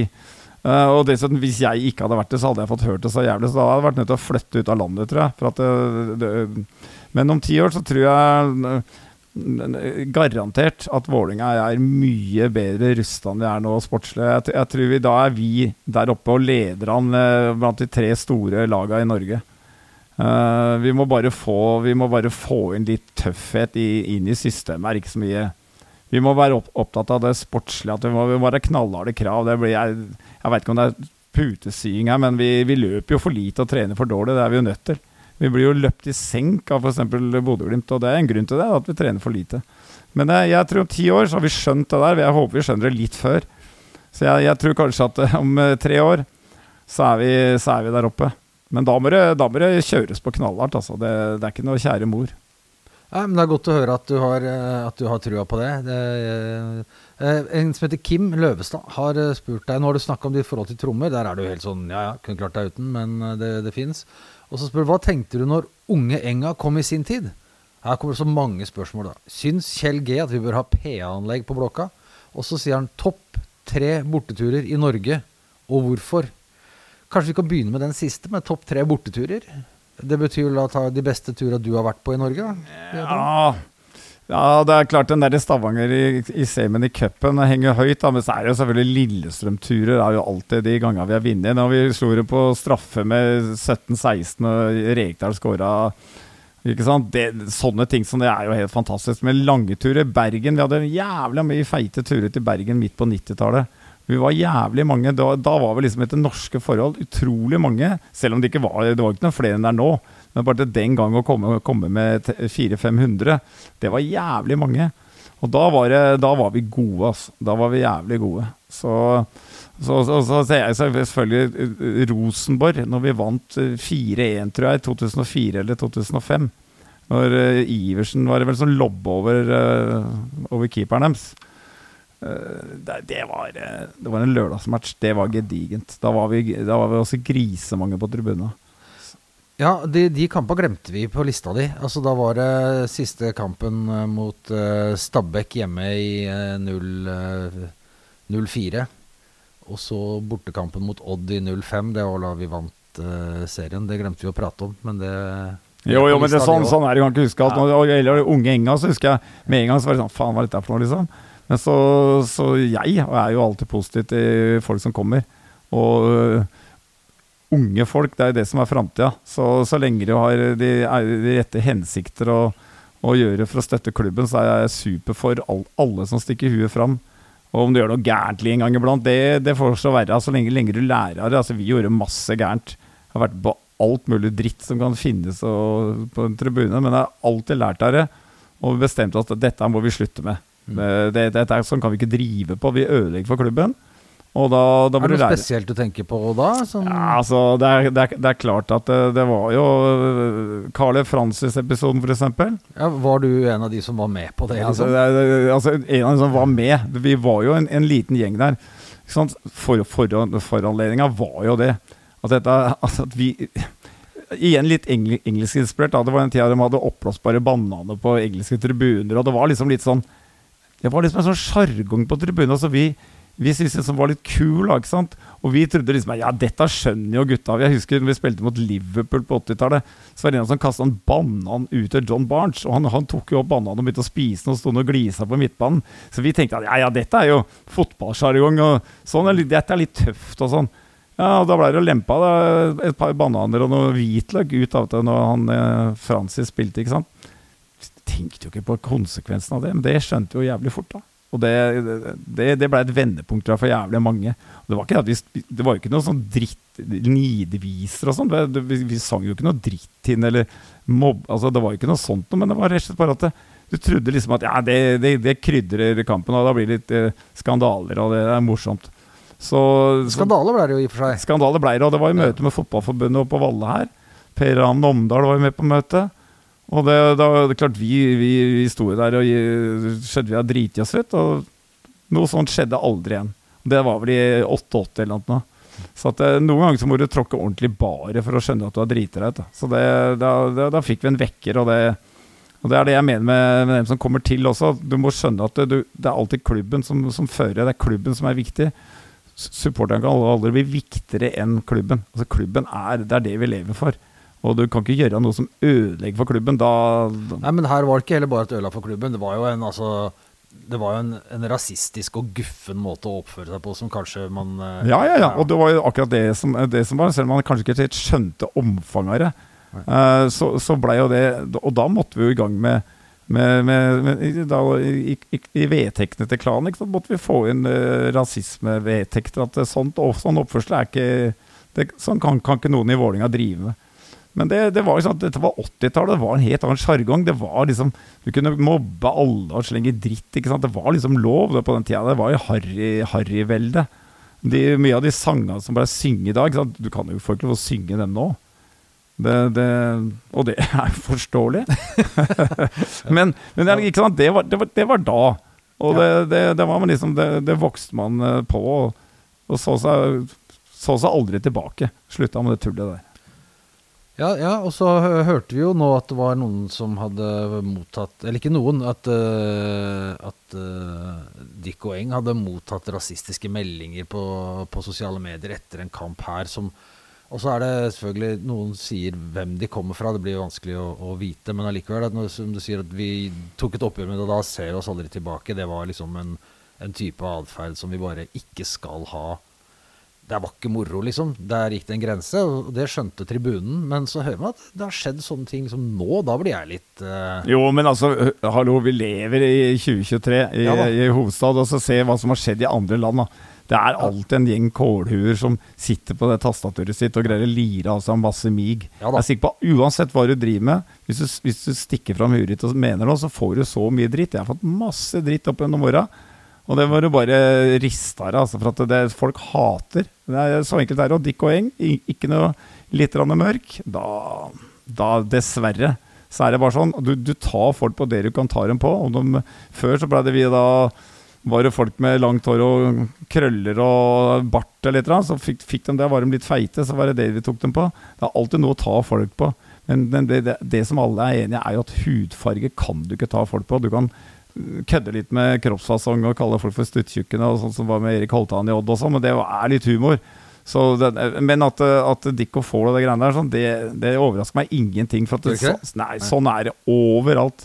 Overalt er det noen som, som ikke greier å skjønne sånne ting. Så det, det, det, får han bare glemme, og det, det, tror jeg han har gjort også. Han, han, jeg tror han skjønner det at det, det er ikke representativt for Vålinga-fans at det, sitter et par kåler og, og, og skriver noe sånn mig. Det, det, er bare sånt som skjer. Det, det, sosiale medier er gift til tider. Snakker om sosiale medier. Her er det en som spør eh, Han har opplevd som, Hva opplevde du som den morsomste og tyngste perioden? Der har vi vel vært litt innom, men han sier også Syns dere bartendere innerst inne Dette er LZN som spør at det er noe dritt når folk bestiller Guinness? Hilsen en Guinness-drikker som har eh, bestilt eh, sin dose Guinness av Kjell på, på Bohemen. Nei, det skal jeg love at vi ikke syns. For at eh, Guinness det er, Jeg drikker Guinness sjøl, og nå jo, har jo Guinness i Dublin sliter med å levere Guinness nå i sommer. Og var, vi var jo tre-fire uker uten Guinness her. Det var helt krise. Måtte vi ta inn noe sånn substitutt for lite, noen uker, og det var en helt katastrofe. Så nei, absolutt ikke. Guinness det er eh, det svarte gullet. Så det, det, liker jeg å tappe, og det liker jeg å drikke. Det er fint å høre. Så har vi fått en, eh, et spørsmål fra en som jeg veit er drammenser, og som er Strømsgodset-fan, som også har vært på tribunen i en mannsalder og velsted, som heter Knut Harald Olsen. Uh, han spør er det sant at du har fjerna Arsenal-tatoveringen din på skuldra med ei saks. ja, ja da, jeg tok Jeg tok en, eh, en, en, en tatovering på Kings Cross i London i et par og åtti. Og den eh, var så jævlig stygg, og så var jeg så jævla pista Jeg kunne ikke gå rundt med Junior Jack på armen, så jeg, jeg dro til en sånn dame nede på Frogner-området som, som, som dreiv med sånn og fjerna ting. da Så hun, hun, um, hun tok og lokalbedøvde, og så isa det ned. Og så var klepta, det var hun som gjorde det. Klepte rundt og sydde igjen. Fikk jeg beskjed om å ikke bruke armen på, på noen, noen uker. da at, Men det, det, jeg gjorde jo det. altså det var et jævla stygt arr. Men, men det stemmer, det ble klept og, klept og skjært rundt den tatoveringa og sydd igjen. sånn er det.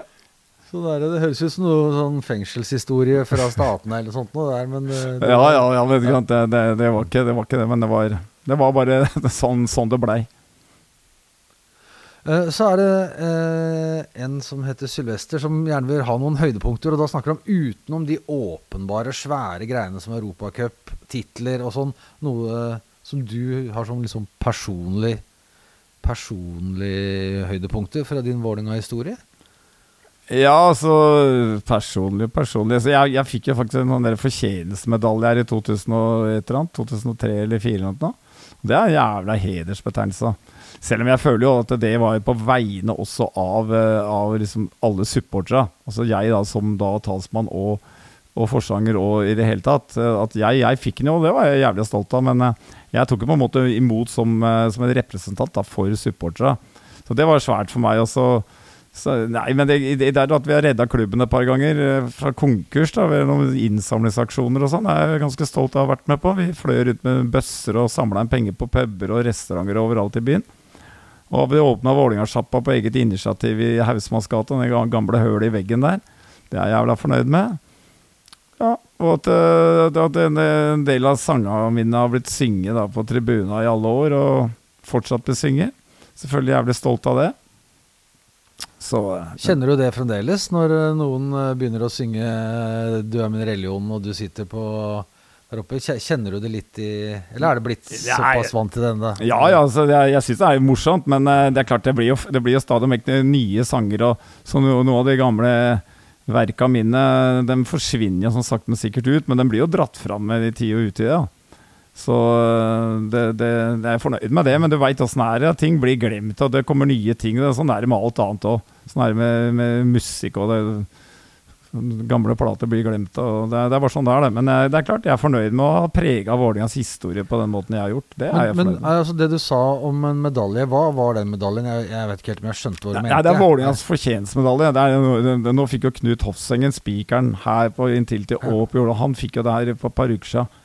Den gangen jeg fikk den, så var vel jeg den yngste som hadde fått det.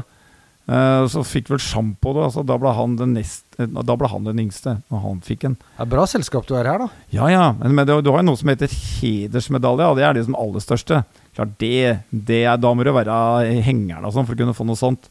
Så det, det, det, er bare, det er jo ingen som får det. Så, så den fortjenstmedaljen er, det er morsom å få den, altså. Absolutt. Ja, det er kult. Altså, hvem skulle trodd fra, fra Nordre Sving og over på, til, liksom, til å ende opp med fortjenestemedalje. Det visste jeg ikke, Kjell. Nei, nei, men ikke sant, altså, jeg veit at det dreiv Det Vålinga var jo Det var jo Det var hver dag hele uka. da Drive med det ikke sant? Når har drevet med det i så jævla mange år. Og så fikk vi jo anerkjennelse da som supportergruppe. ikke sant? Vi, vi var liksom regna som Norges ledende gruppering og hadde bra sanger med litt god humor. Og det, det var jo mange som kom for å høre på sangene våre. Så det er ikke det at alle var så jævla Det var ikke noe det var ikke noe verk, mesterverk tekstmessig alle, alle, sammen, men det var en, en, god, en god snert i dem. Og det, det, jeg veit jo om folk som sang Vålerenga-sanger som holdt med andre klubber når de var på fylla i Syden og sånn.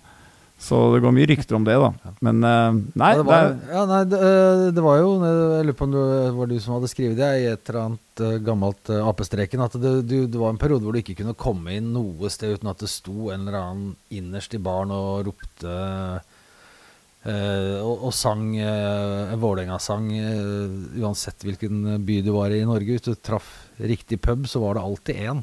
ja, for det, det var liksom ikke det, det, De andre laga hadde ikke så mye, vet du. Så hadde vi mye nye, freshe sanger med litt eh, sprelske tekster. Og da var, det, da var det litt tøft, ikke sant. Og de teksta tåler jo ikke helt annens lys nå. Så det er bare sånn eh, verden har forandra seg. Men det var, ikke, altså det var ikke bare tekster. Du var jo du var med å starte klanen også i sin tid, ikke sant? Ja, ja, absolutt. Ja. Det, det, det navnet klan fant jeg på, vet du, på, eh, litt utpå Du gjorde det òg, ja? Ja, seint 80-tall.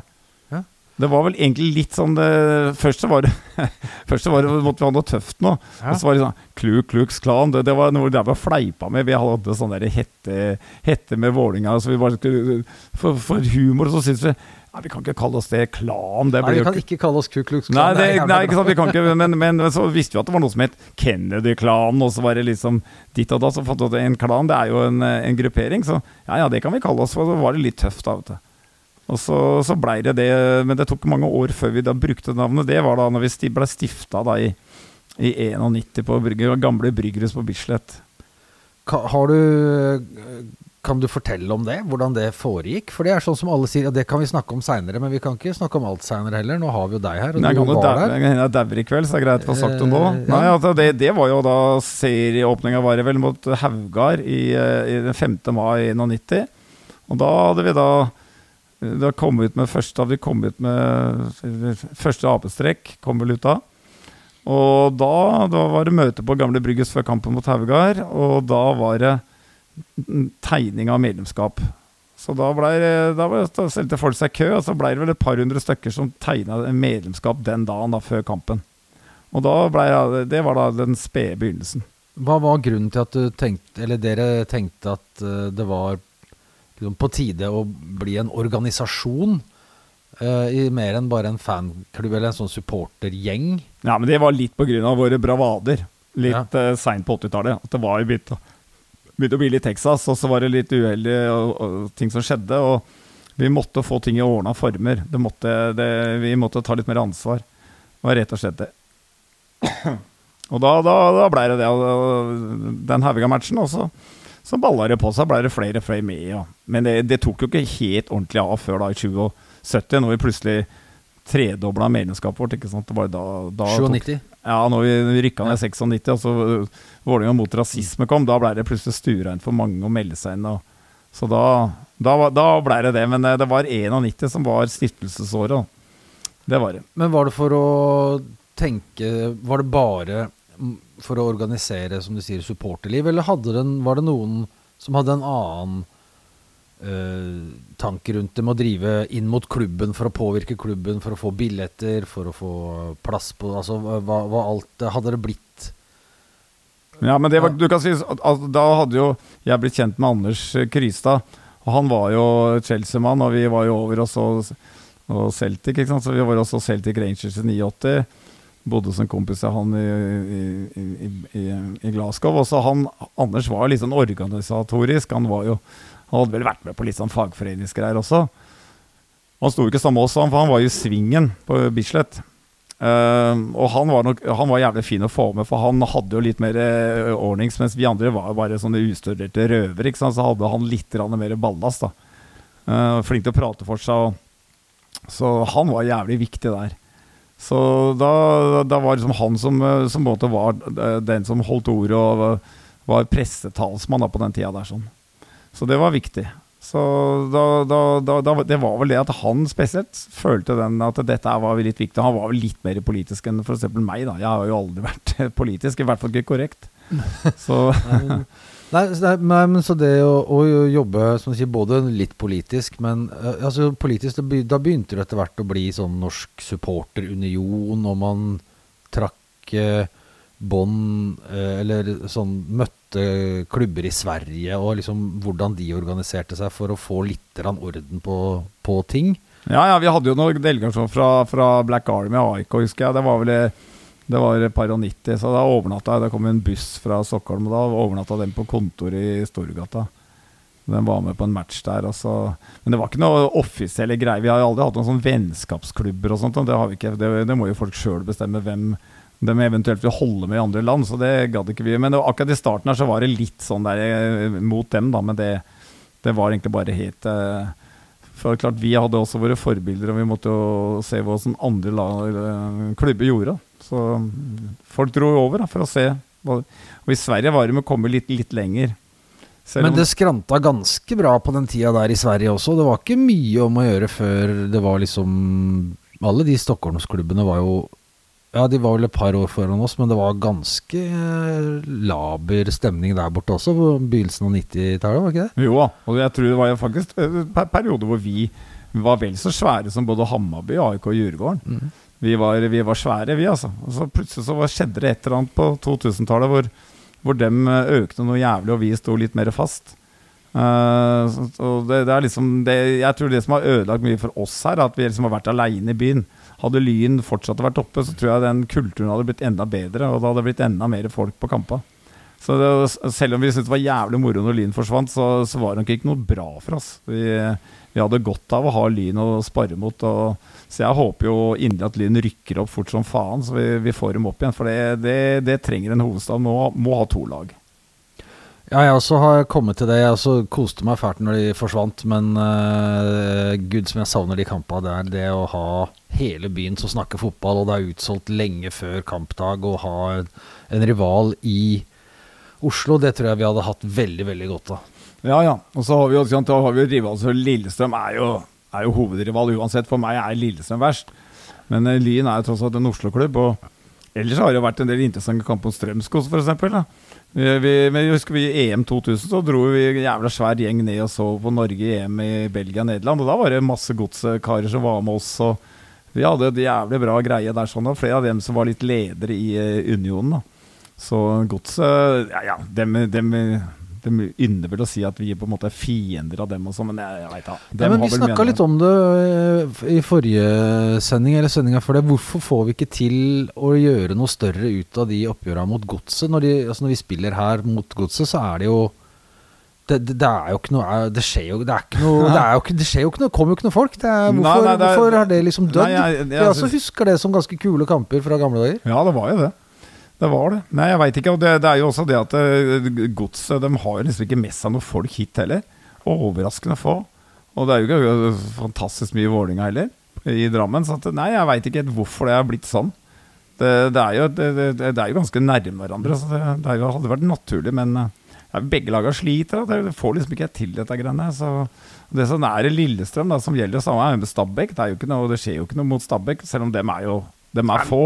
Ja, Stabæk er litt annerledes, tenker jeg. Ja, det er litt- Altså, det er litt annerledes. Godset er en tradisjonsklubb. Ja. eh, Jeg tror Godset sliter litt når jeg ser på den der eh, bak målet deres der på, Når jeg ser noe på TV med dem og sånn. Det, det ser ut som den gjengen deres har blitt ganske desimert med de siste åra. Mm. Så det ser ut som dem sliter med rekrutteringa.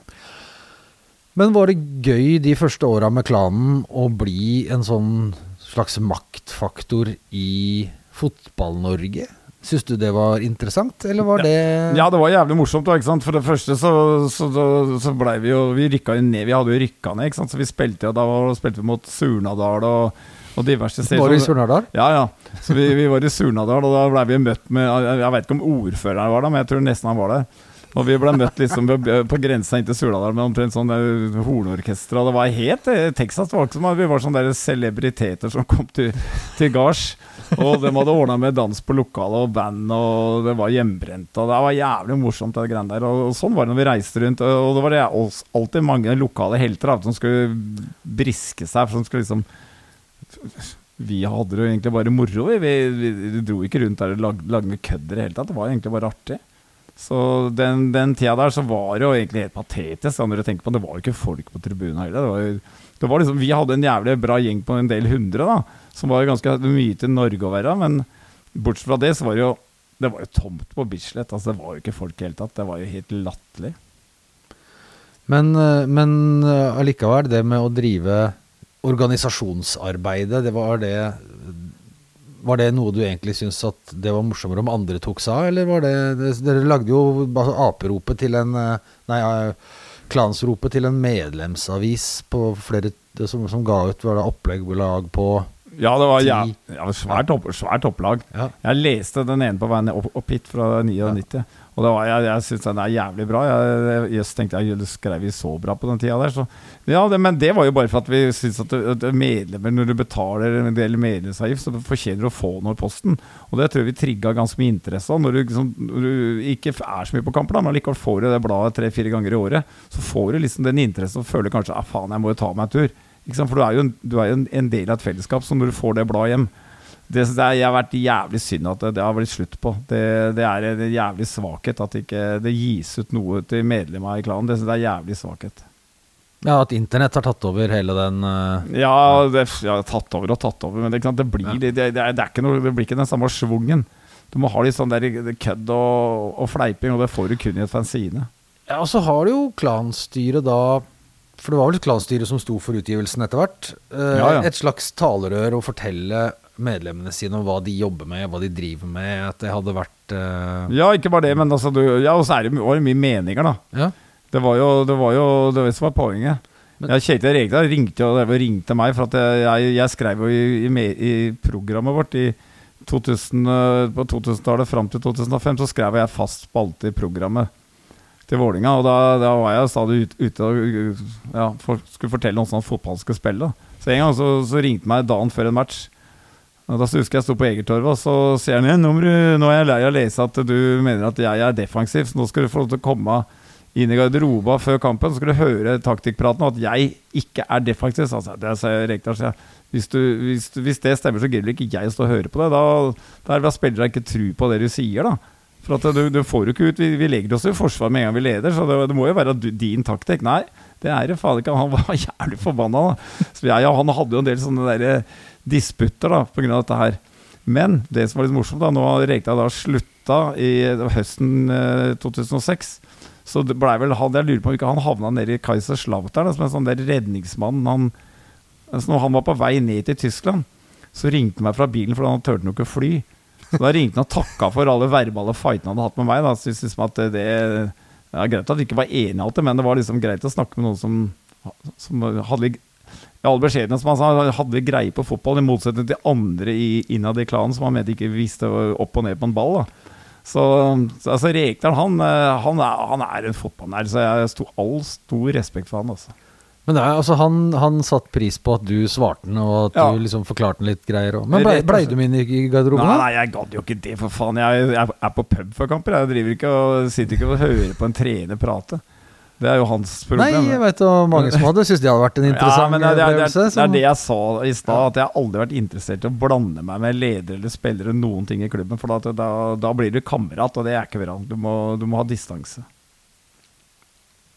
Fordi de eh, Ja, fordi da kan de unndras kritikk, eller at du blir for stuevarm, Ja, ikke sant? Ja. Du blir rett og slett litt kamerat, og du, du, du, tør liksom ikke å Men, kritisere. men det er jo ikke Altså, det at klubben legger opp til dialog med supportere og sånn, det er jo sy- Syns du det også er Altså, de har jo nå jevnlige møter med folk fra Klan, Jo, fra jo. Ikaros altså, ja, det, hadde, det hadde vi jo før òg. Ja, men Men det, det- er ikke negativt. Du, Nei, du, du er nei, ikke nei, så men jeg, det var liksom, når, jeg, når jeg dreiv på, så var ikke da, Det var ikke sånne møter da. Nei. Så det hadde ikke jeg giddet å dratt på heller. Så det, det var liksom Jeg er tribunemann, jeg står på betongen og synger. Det, er liksom, det har vært min greie. Jeg, det, dem som styrer for styrer, dem som spiller, spiller, og vi som synger, vi synger. Dem kan ikke komme, og Vi gidder ikke ta med dem på møter når vi skal bestemme hva vi skal drive med på tribunet. Så da Sånn som det er nå, så er det helt fint at det er sånn spesielt pga. ro og orden og, og, og, og retningslinjer.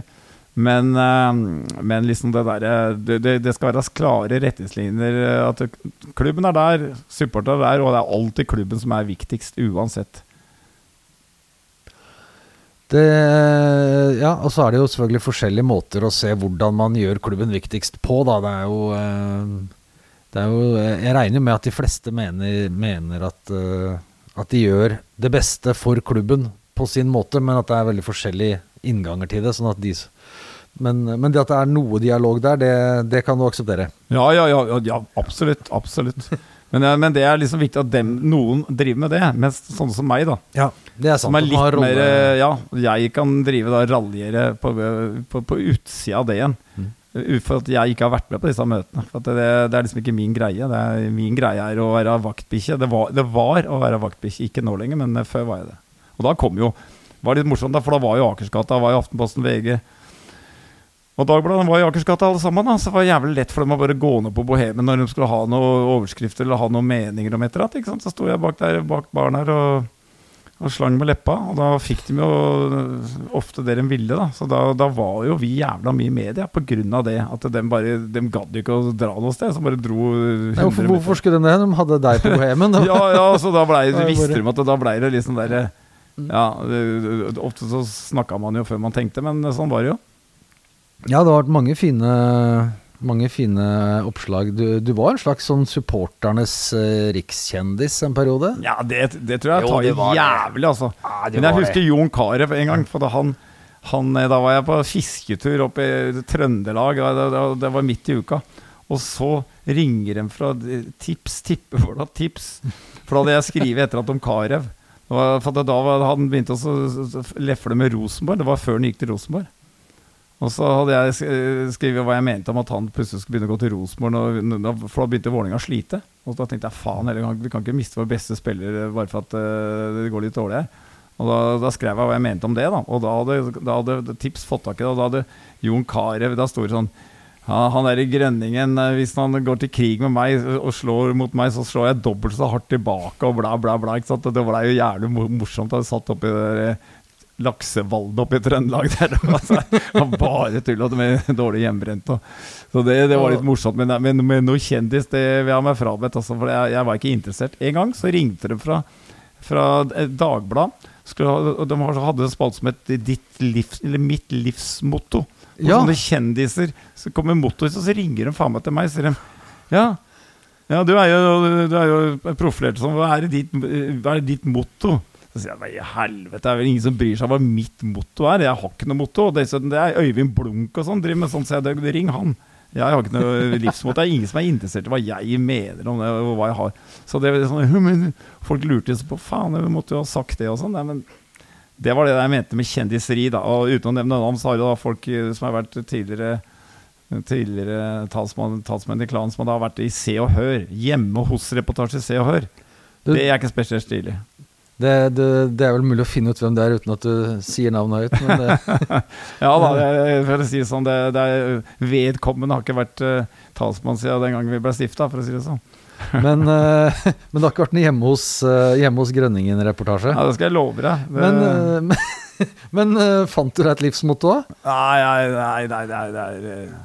Det er vel sånn eh, Alt for Vålinga er vel greit eh, livsmotto, egentlig. Det er Alt for Norge er vel kongen har, så.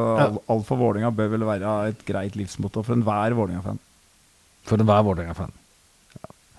Eh, Men åssen er det å være bartender når du er over 60 år? Er det Nei, det, det er ikke noe problem helt. Altså. Nei. Så Hvis du drar Hvis du er i England hvor det er mye bra puber, og så er det gamle karer på 80 år som er bartendere Så det er jo ikke noe problem i hele tatt. Og det, det, vet, det er jo det er en utøvende rase, dem som går og drikker òg. Unge folk er jo ikke så mye ute. De sitter hjemme med mobiltelefonene sine og, og laster ned tull og tøys. Så at, det- Nei da, det, det blir eh, det er, eh, det er godt bruk for bartendere i 50-60-åra. Det er ikke noe problem. Men jeg, hvor lenge man gidder å drive med dette, det veit jeg jo ikke. Men det får man ta som det kommer. Men eh, man må stå på. Det nytter ikke å Det nytter ikke.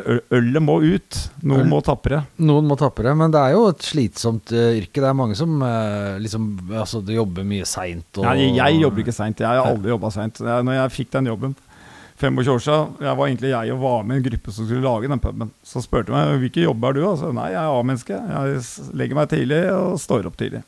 Ja, men kan jobbe på dagen. Så jeg jobber bare på dagen. jeg. Jobber aldri etter fem. Gjør du ikke det? Nei, nei. Aldri etter fem? Nei, nei. Men du har quiz. Jo, jo, men da drikker jeg jo samtidig, så da, da er ikke, det er ikke noe problem. Men Hvor lenge har du holdt på med det? du har en ganske, sånn, eh, en ganske tøff eh, quiz som har gått over noen år. Ja, vi har- Den der sportsquizen vår Den, eh, den starta for akkurat 25 år siden. Så det, det er vel den eneste sportsquizen i Norge også, tror jeg. Vi har jo holdt på hele tida, men det er, det er ikke så ofte lenger. da Det er liksom på vinterhalvåret. På onsdager. Men den vanlige quizen var på, på, på fredag, den er jo Norges lengste fortsatt gående quiz. da 25 år eh, som vi har holdt på i strekk. Så det, det, det er trivelig, men eh, Det høres ut som du er en fyr, så hvis du finner noe du liker, så holder du deg til det. Du har funnet et fotballag, og så en jobb, og så en quiz, og så Da, holder, da, da blir du.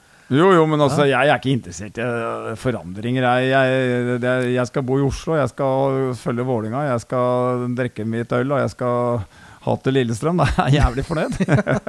Ja, der har du et livsmotto akkurat der, Kjell. ja, når det gjelder Lillestrøm, det som er morsomt med det, er jo tross alt at jeg har jobba sammen med mye Lillestrøm-folk opp gjennom tida. Og det, det er jo jævlig mye bra folk der, ikke sant. Så det blir ikke sånn personlig, men det blir sånn klubb, klubbmessig.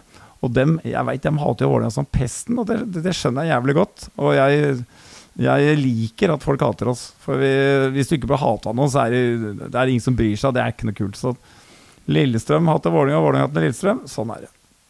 Og sånn skal vi ha det. Sånn skal det være. Eh, er det noe du nå tenker at fader, dette skulle vi snakka mer om?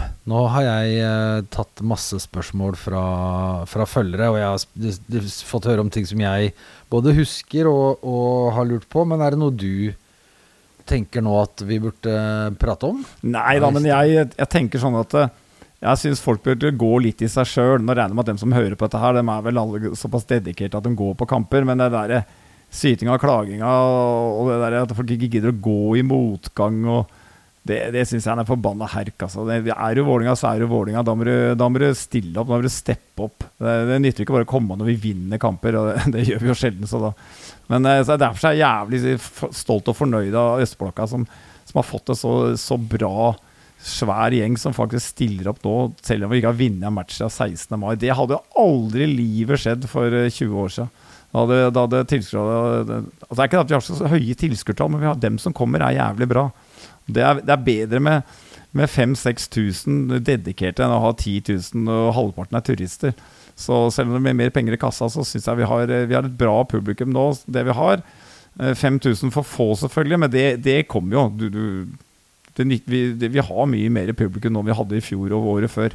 Det er ingen tvil om. Så jeg er jævlig optimist når det gjelder framtida for uh, Vålinga og tribunemessig. Og jeg, jeg tror at uh, får vi litt sportslig suksess, så kommer vi til å fylle den blokka.